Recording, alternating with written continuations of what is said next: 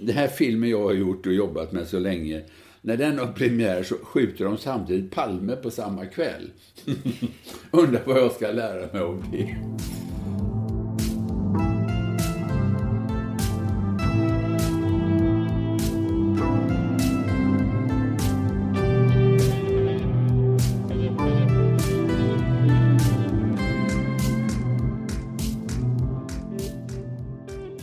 Du lyssnar på Inblick med mig Elisabeth Hedström. Det här är del två om Kai Pollak och inspirationer. I det här avsnittet ska Kai berätta om en person som inspirerat honom. Men han börjar med att prata lite om en handfull andra personer som har förändrat hans liv på olika vis. Det var det svåraste, att komma på en person. För, för att liksom, som har betytt väldigt mycket. Och inspirerat dig. Ja, och inspirerat mig, det har du rätt i. Ja, man kan inte säga att det är för sig, men min mamma hon födde mig, hon var alltså väldigt viktig. Men, men sen när jag är tio år, vet du, då är jag som sommarbarn på en bondgård i Blekinge. Flera Vad är somrar. sommarbarn för Ja. någonting? Och du vet, Kollo, eller? ja, nej, inte ensam på en bondgård. Jaha, Och fi- fick vara där och hjälpa och jobba och Mhm. fösa kor och allt möjligt sånt där. Okej. Och den bonden var väldigt sträng. Han, hade en idé att varje gång, alltså har du varit i Blekinge och Småland, det är oerhört mycket sten. Du. Och eh, så att varje gång man gick över en åker så skulle man ta en sten i åker och bära med sig till stengärdsgården som gick, var på kanten av åkern. Va? Som är Och- utvandrarna. Ja, alltså det var, de det var en himla bra idé. Så jag tänkte på han har betytt mycket för mig. För jag vet när jag gick med den där stenen så hade jag en känsla av ja men jag gör ändå lite nytta här. Va? Jag gör en liten skillnad nu när jag bär den här stenen och lägger den där.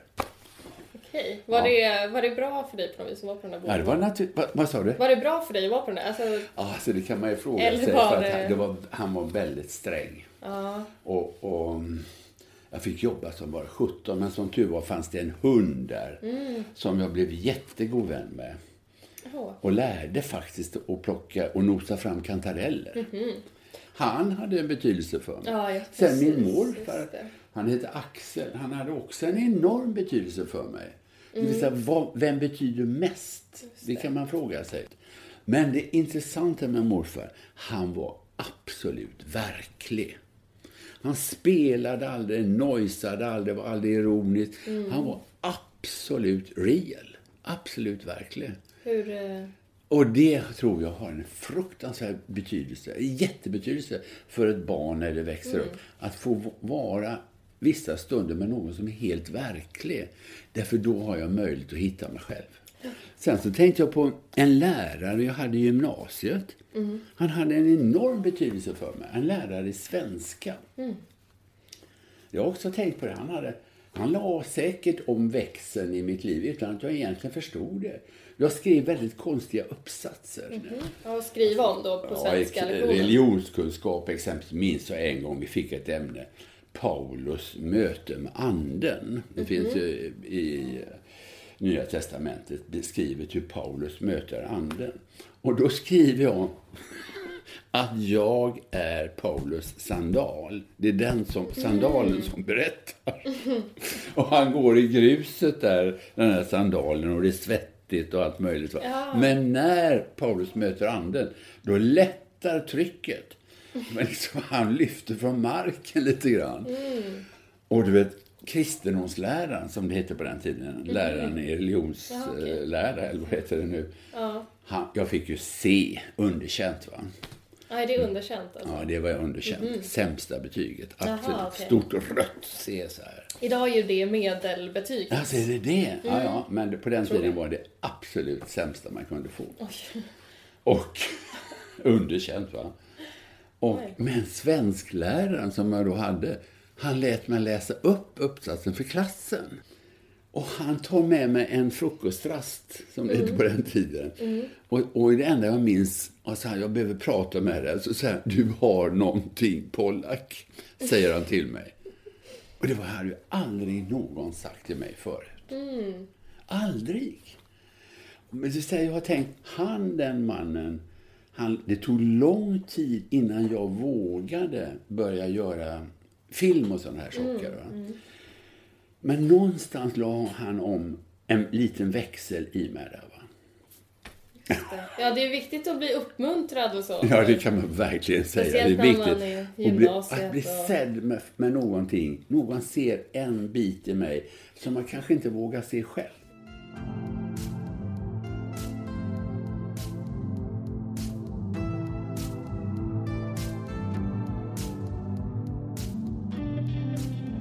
Så tänkte jag på en annan person som sen när jag då blev vuxen och började göra film. Och min första film, den bygger på en bok av Maria Gripe, en barnboksförfattarinna. Nästan lika känd som Astrid Lindgren. Hon är död nu. Va? Men hon var 15 år äldre än mig och jag såg ju upp till henne. Och vi satt hemma i hennes kök i Nyköping och skrev manus tillsammans. Och du vet, jag var så tveksam hela tiden. Tvivlade. Men är det här verkligen rätt? Och är det här verkligen bra? Och, så här. och kände mig dålig för att jag var så tveksam. Jag trodde att man skulle vara säker, då var man bra. Det var vad jag trodde. Men då säger hon till mig, men Kai, alltså ditt tvivel, det är ju guld i skapandet. Va? Och det betyder jättemycket för mig. Och i allting jag har, gör i filmer, om du tar Så som i himlen exempelvis. Jag vet inte hur många gånger jag har skrivit om olika scener. 25 gånger. Vissa saker kanske man är jättesäker på. Men jag trodde ju att det var en väldigt dålig egenskap, att kunna att tvivla så.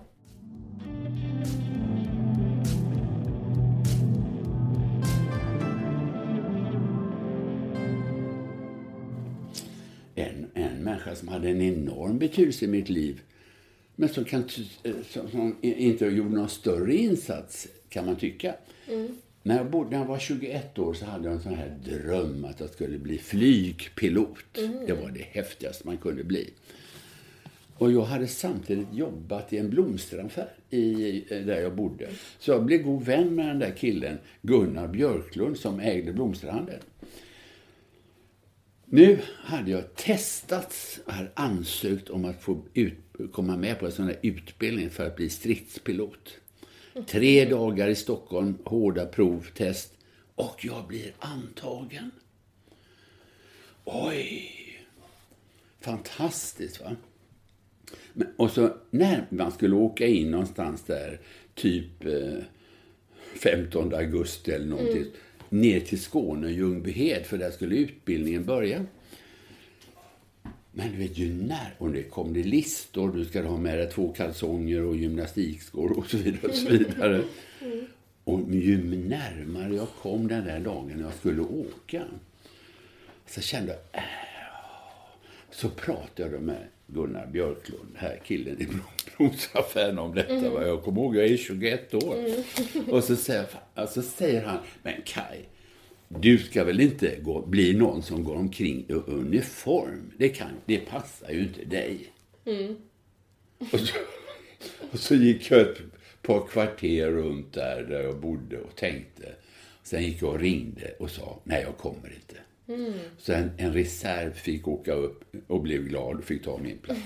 Och det har jag ju tänkt på jättemycket. Jag tänk om du hade blivit Exakt! Vadå, jag kanske hade dött i en flygolycka för länge sedan. Och sen, eller blivit sån här gubbe som sitter på SAS, och så här pilotplanen där. Va? Och varit pensionerad för länge sedan. Alltså hela livet avgjordes där plötsligt bara en mening. Nej, du ska, är du väl inte någon som ska gå omkring i uniform? Han hade ju helt rätt. Jag tänkte på en annan grej som hade en betydelse. Jättestor betydelse. När jag då är alltså typ 21-22 år så blir jag jättekär i en tjej. Och hon var den absolut sötaste jag hade sett. Och jag var så kär så det är inte klokt. Va? Och vi var ihop ett år och vi till och med förlovade oss. Så liksom livet var bestämt. Men jag kommer från ja, kan man säga, arbetarklass eller lägre medelklass i Göteborg. Och hon var överklass. Eh, och när jag var hemma där, var de bodde i en jättestor flott våning. Och mamman och pappan aldrig riktigt accepterade mig. Och en dag gjorde hon slut. Och alltså, då fick jag uppleva hur det verkligen, hur ont det gjorde att liksom inte duga, att bli förkastad. Så att, ja, jag minns det fortfarande. Hur enormt ont det gjorde. Jag alltså var så knäckt. Jag dög inte för henne. och, och det tog säkert ett år, vet du. Och då har jag tänkt efteråt, jaha, det kanske var det bästa som har hänt. Det var, och det, vill säga, det var ju det bästa som hänt att jag inte åkte ner och blev sån här flygare. Ja. För jag är jättetacksam för det. Ja, jo, det, ja, och så det vidare. klart. Men, Och det här var kanske det bästa som hänt- hade hänt med mig i mitt liv.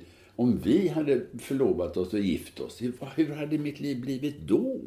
Vad skulle jag göra då? Mm. Nej, men det var det bästa som hänt. Men det gav mig en enorm lärdom. Att så sårbar och ömtålig är människan. Mm. Att så ont gör det att uppleva att jag duger inte. Så jag har ofta tänkt på vilken enorm betydelse det hade för mig. Sen har jag träffat henne flera gånger efteråt. Mm. Nu på senare tid. Mhm. Har hon eh, sagt något om... Ja, jag har, jag har ju berättat det för henne. Ja. Det intressanta är när man tänker tillbaka, livet är som ett flipperspel. Va? Alla hade på olika sätt puttade den där, puttade med lite grann dit och en annan puttade med dit. De hade alla människor hade en betydelse.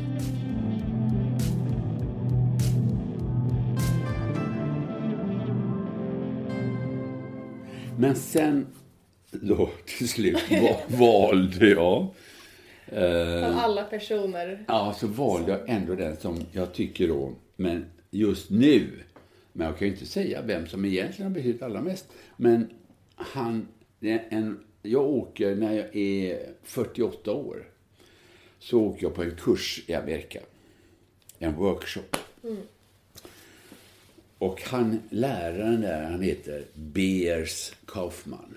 Björnar Beers Kaufman.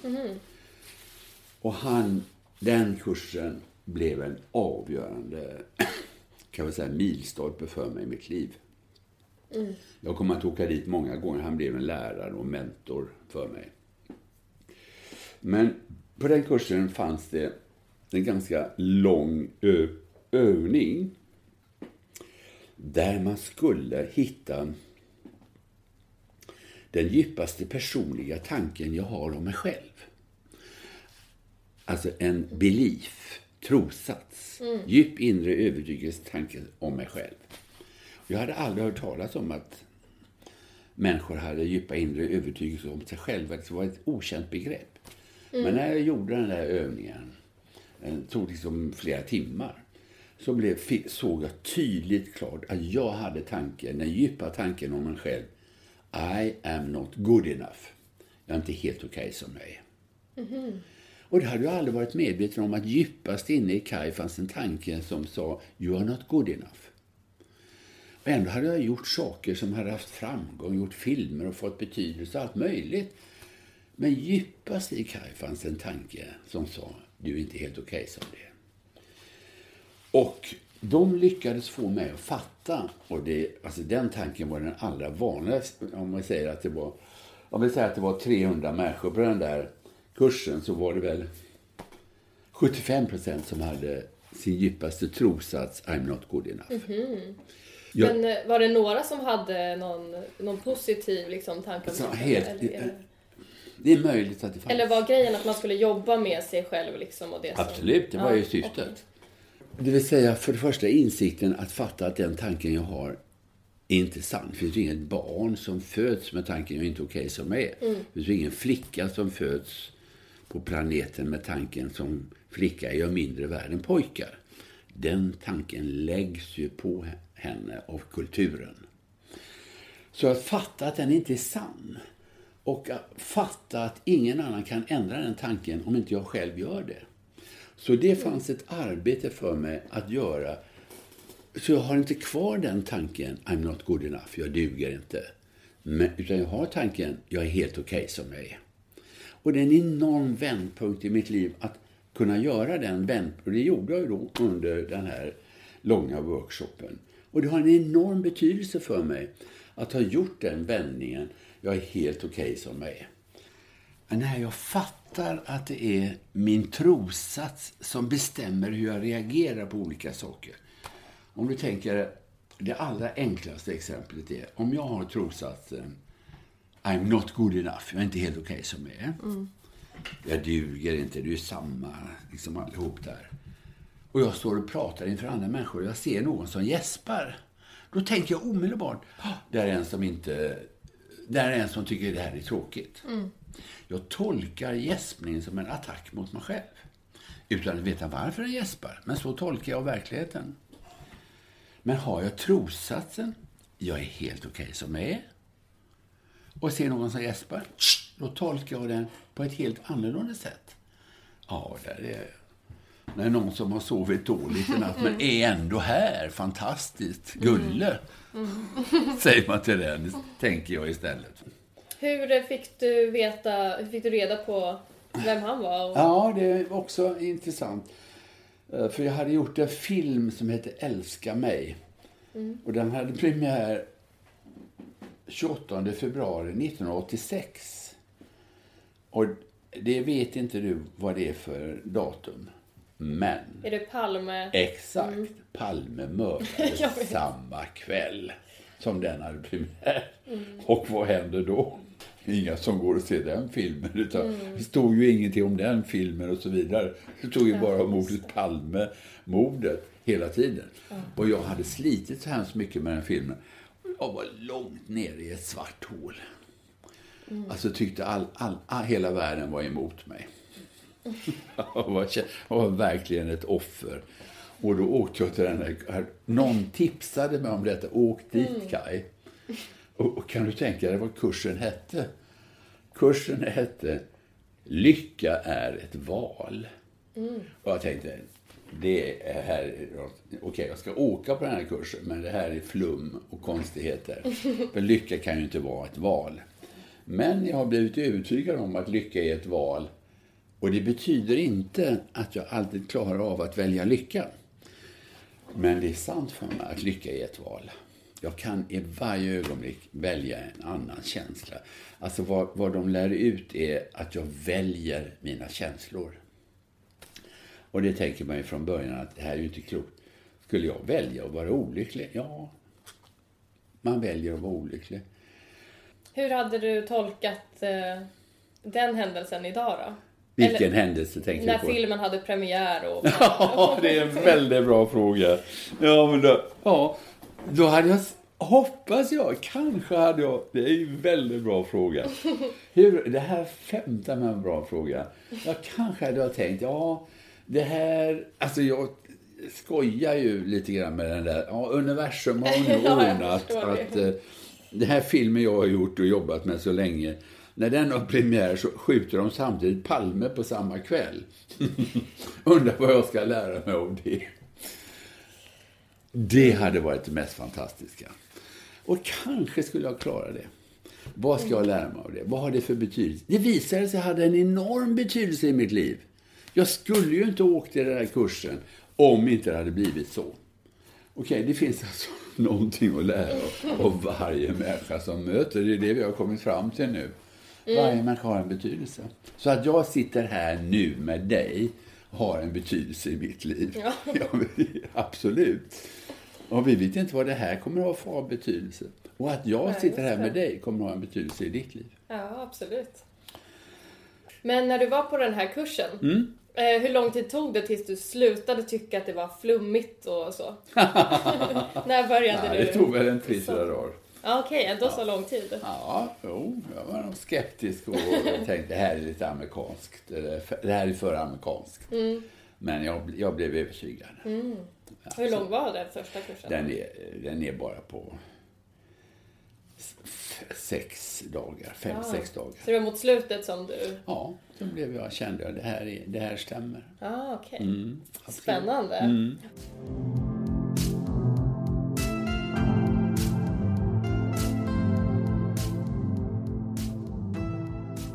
Jag frågar Kai om alla de här personerna och filmen och boken i del 1 har något samband. Det, de har ju ett ganska tydligt tema, eller? Ja, för mig just nu när jag sitter här så är det ju samma grej hela tiden. Om vi tar han fången där i det hemska fängelset Tasnamar i Marocko. Han, det vill säga, han, han lärde sig att jag måste lära mig att jobba med mina tankar. Mm. Och ha en trossats. Och de där tre bröderna hade trossatsen livet är fantastiskt. Det är värt att leva. De gav inte upp. Och sen Moder Teresa, filmen med det äkta leendet. Ja, alltså så, så, rädsla. Ja, och det, jag, jag kan bli av med min rädsla om jag tränar mitt tänkande. Det, är så här, det, det var mina tankar. Det börjar med mina tankar, alltihop. All förändring börjar med mina tankar. Och det blev ju så, så här, tydligt när jag kom till Amerika, till han Kaufman. Förändringen börjar med mina tankar. Och trossatser.